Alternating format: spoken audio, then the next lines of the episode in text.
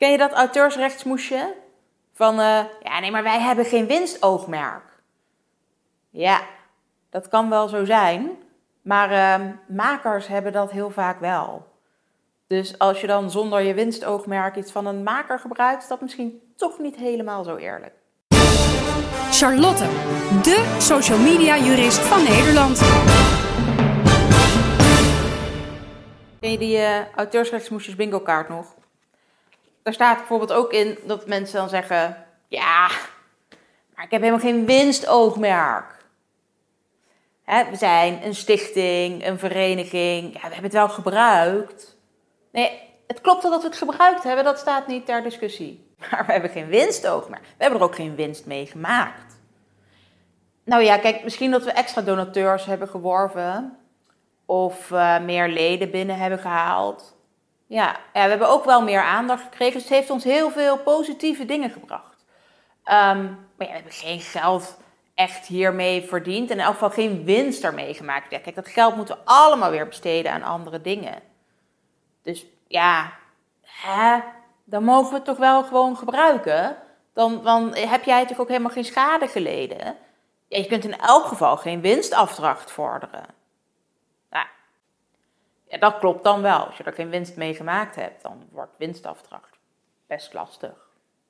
Maar ja, dat je er geen winst mee maakt omdat je het op een andere manier inzet of omdat je organisatie op een bepaalde manier geregeld is, dat betekent natuurlijk nog niet dat de maker geen schade heeft geleden. Het werk wordt tenminste wel gebruikt.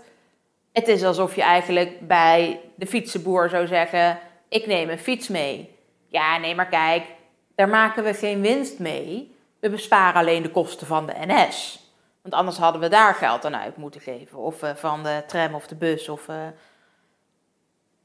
Je neemt toch iets weg. Ja, goed. Ja, dat was met het auteursrecht inderdaad lastig.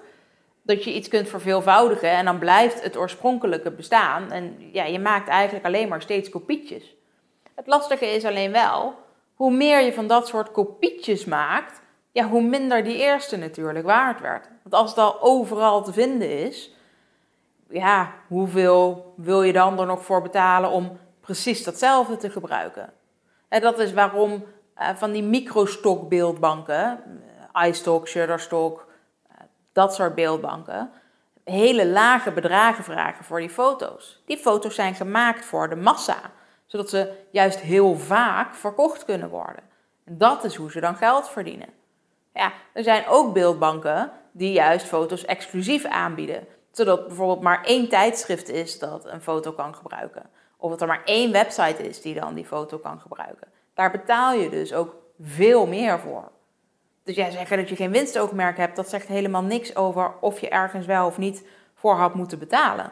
Normaal gesproken zou een maker dus gewoon een vergoeding hebben gekregen voor die afbeelding of die tekst of dat stukje muziek of nou ja, wat, wat er dan ook maar is gebruikt door die partij zonder winstoogmerk.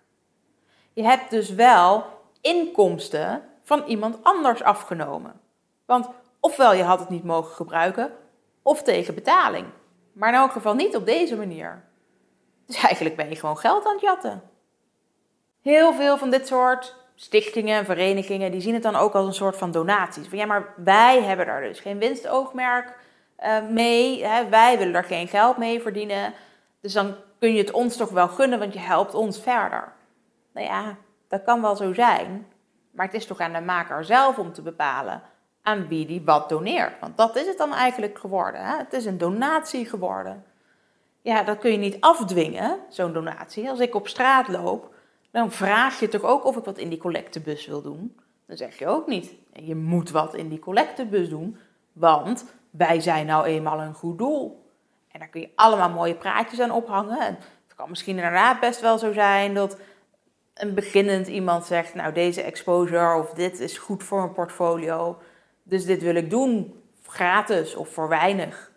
Dat kan, maar dat moet altijd een vrijwillige keuze zijn. In elk geval is het argument of het smoesje dat je geen winstoogmerk hebt, in elk geval geen reden om niet te hoeven betalen voor auteursrechtelijke werken. Dus um, jammer joh, wordt toch in de buideltasten dan. En de volgende keer misschien eerst even goed nadenken en ga gewoon met mensen in gesprek. Vraag of je iets gratis mag gebruiken.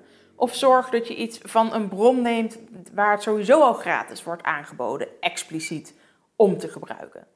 Zo kun je alsnog aan gratis beeldmateriaal, gratis teksten, gratis muziek komen, maar op een legale manier, zodat iedereen daar blij van wordt.